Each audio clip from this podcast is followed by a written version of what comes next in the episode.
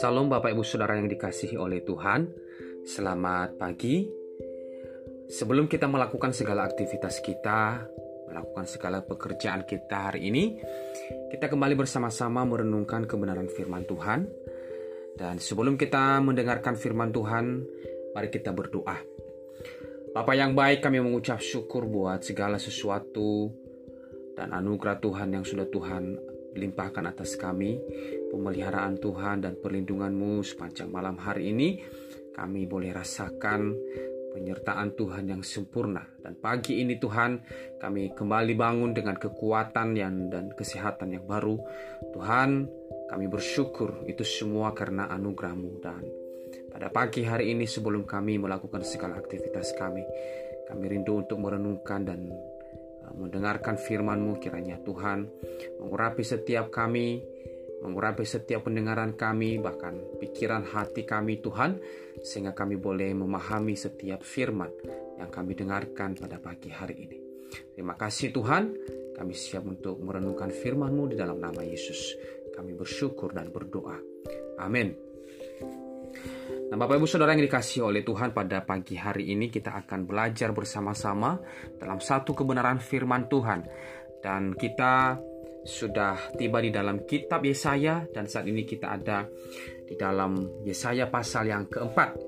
Nah kalau kita perhatikan Yesaya pasal yang keempat Bapak Ibu Saudara nanti saya akan bacakan mulai dari ayat yang kedua sampai ayat yang keenam. Judul perikopnya di dalam ayat yang kedua saudara Bapak Ibu Saudara yaitu Yerusalem disucikan dan dilindungi. Ayat yang kedua, pada waktu itu tunas yang ditumbuhkan Tuhan akan menjadi kepermaian dan kemuliaan dan hasil tanah menjadi kebanggaan dan kehormat kehormatan bagi orang-orang Israel yang terluput. Dan orang yang tertinggal di Sion dan yang tersisa di Yerusalem akan disebut kudus, yakni setiap orang di Yerusalem yang tercatat untuk beroleh hidup. Apabila Tuhan telah membersihkan kotoran putri Sion dan menghapuskan segala noda darah Yerusalem dari tengah-tengahnya dengan roh yang mengadili dan yang membakar maka Tuhan akan menjadikan di atas seluruh wilayah gunung Sio dan di Sion dan di atas setiap pertemuan yang diadakan di situ segumpal awan pada waktu siang dan segumpal asap serta sinar api yang menyala-nyala pada waktu malam. Sebab di atas semuanya itu akan ada kemuliaan Tuhan sebagai tudung. Dan sebagai pondok tempat bernaung pada waktu siang terhadap panas terik dan sebagai perlindungan dan persembunyian terhadap angin ribut dan hujan. Bapak Ibu Saudara, kalau kita memperhatikan dan membaca ayat ini dan kita bisa melihat bagaimana kehidupan bangsa Israel bercerita tentang kehidupan bangsa Israel. Dan uh, kehidupan bangsa Israel ini Bapak Ibu Saudara sangat menarik sekali kalau kita perhatikan dan kalau kita pelajari bagaimana sebuah bangsa yang besar yang melihat kuasa Allah tangan Allah sendiri yang bekerja menyelamatkan mereka, membawa mereka keluar dari tanah Mesir kepada tanah Kanaan, kepada tanah perjanjian. Tetapi di dalam perjalanan kehidupan mereka, Bapak Ibu Saudara, mereka menjadi bangsa yang kadang dikasihi oleh Tuhan, lalu kemudian mereka mengalami kemurahan Tuhan yang begitu luar biasa. Tetapi pada saat-saat yang sama juga mereka hidup di dalam dosa ya mereka dibebaskan lalu kemudian mereka berbuat kesalahan lagi dibuang lagi dihukum lagi dibebaskan lagi dan itu terus berlanjut bukan hanya sekali dua kali. Oleh sebab itu menarik sekali kalau kita melihat kehidupan mereka Bapak Ibu Saudara. Nah, dalam nas hari ini dimulai dengan kata-kata yang kontras sekali dengan nas yang sebelumnya Bapak Ibu Saudara. Di dalam ayat yang kedua. Di situ ada kata-kata kemuliaan ya, lalu kemudian dan kebanggaan, lalu kemudian kehormatan. Nah, bukankah ini yang Tuhan ingin hapuskan dari Israel? Hari ini kita akan dapati kondisi Israel yang telah dimurnikan dan dibersihkan oleh Tuhan.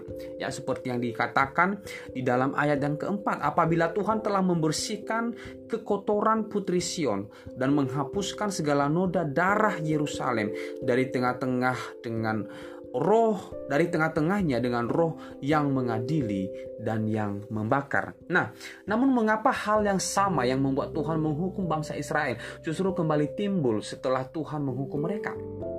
Nah, ini berbicara mengenai bagaimana bangsa Israel diselamatkan. Kalau kita melihat di dalam ayat yang kedua bahwa ada kata kemuliaan dan hasil tanah menjadi kebanggaan dan kehormatan. Nah, ini ada tulisan terkhusus, terkhusus bagi orang-orang Israel yang terluput. Ya. Dan kita bisa perhatikan di sini Bapak Ibu Saudara bahwa jawabannya terletak pada apa yang menjadi alasan mereka untuk bermegah, bangga dan merasa terhormat. Nah, sebelumnya ya, mereka bermegah atas diri mereka sendiri. Mereka bangga dengan kekuatan mereka dan dewa-dewa yang mereka ciptakan sendiri dan mereka mencari kehormatan dalam hal-hal lahiriah.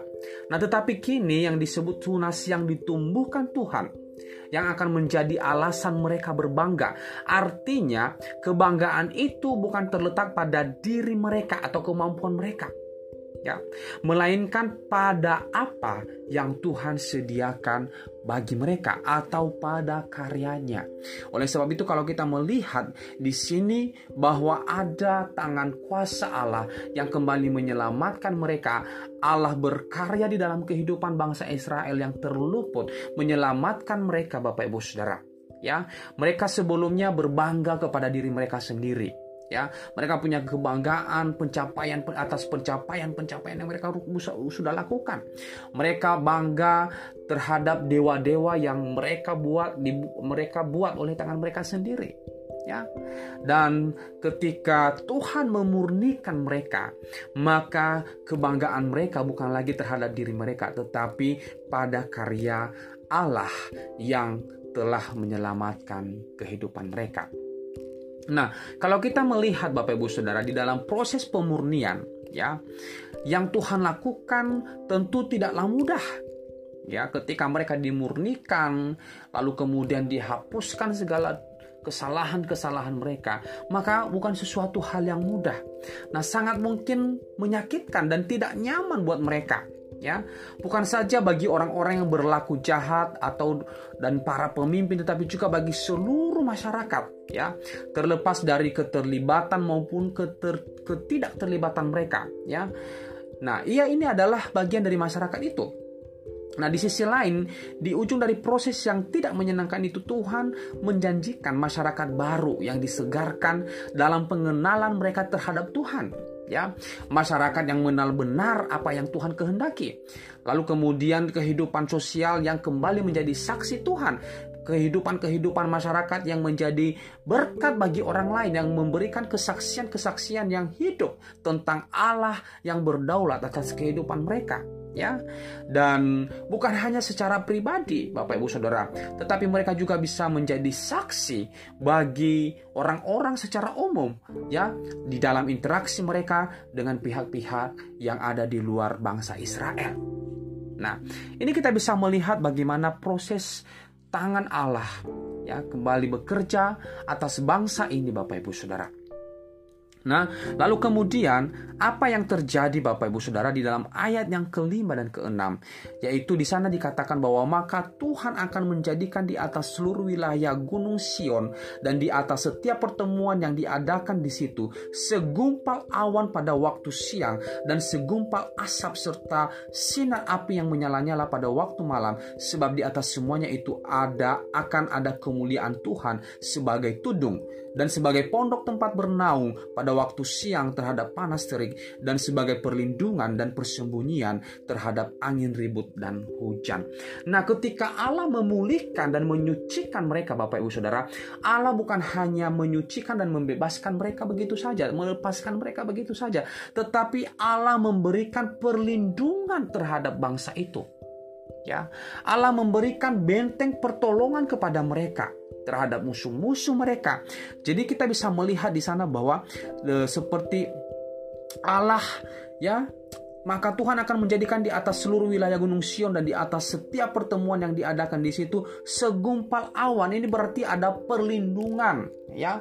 Ada perlindungan, ada shelter yang tidak bisa tergoyahkan. Supaya kenapa Bapak Ibu Saudara? Supaya uh, mereka tidak kena panas, ya.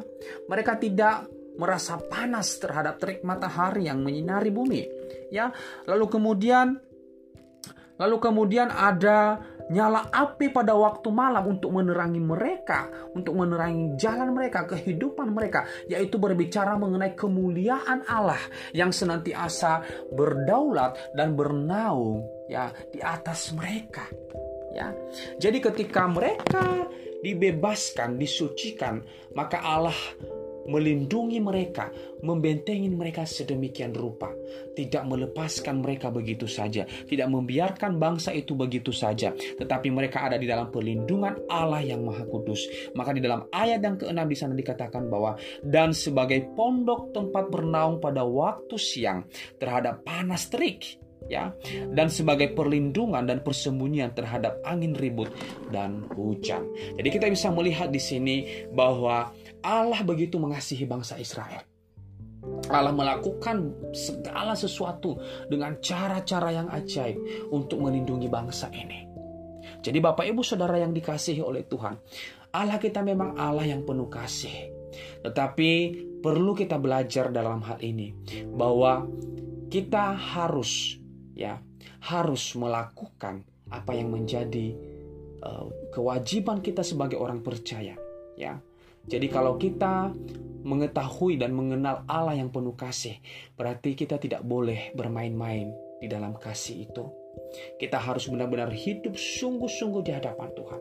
Kalau kita mengenal Allah secara benar, ya, maka kita tidak berani melakukan ya segala sesuatu yang tidak berkenan kepada Tuhan. Oleh sebab itu Bapak Ibu Saudara, kita bisa belajar bagaimana Allah menghapuskan segala dosa dan kesalahan kita, menyucikan, memurnikan kehidupan kita melalui kematian Kristus di atas kayu salib, telah membebaskan kita dari segala hukuman dosa. Dan oleh sebab itu, apa yang menjadi tanggung jawab kita, Bapak Ibu Saudara? Ya, kita harus mengerjakan keselamatan kita dari hari ke sehari. Kita tahu bahwa Allah adalah Allah yang penuh kasih. Ya, Allah senantiasa memberikan perlindungan kepada kita. Tetapi Allah bisa saja ya melepaskan perlindungan itu ketika kita tidak hidup di dalam ketidaktaatan Bapak Ibu Saudara. Oleh sebab itu kita perlu taat, kita perlu mengikuti apa yang Tuhan kehendaki, kita perlu mengikuti apa yang Tuhan ingin lakukan, apa yang Tuhan inginkan di dalam kehidupan kita. Ya, oleh sebab itu mari kita belajar dari uh, Nats mal pagi hari ini Bapak Ibu Saudara mengajarkan kita kembali mengingatkan kita bahwa perlindungan Allah begitu ajaib begitu luar biasa di dalam kehidupan orang-orang yang percaya yang sungguh-sungguh setia dan taat kepadanya. Kiranya firman Tuhan yang sudah kita dengarkan pada pagi hari ini dapat menolong kita untuk menjadi orang-orang yang senantiasa hidup dalam ketaatan dan kesetiaan kepada Kristus Yesus. Terpujilah Tuhan. Tuhan Yesus memberkati kita semua.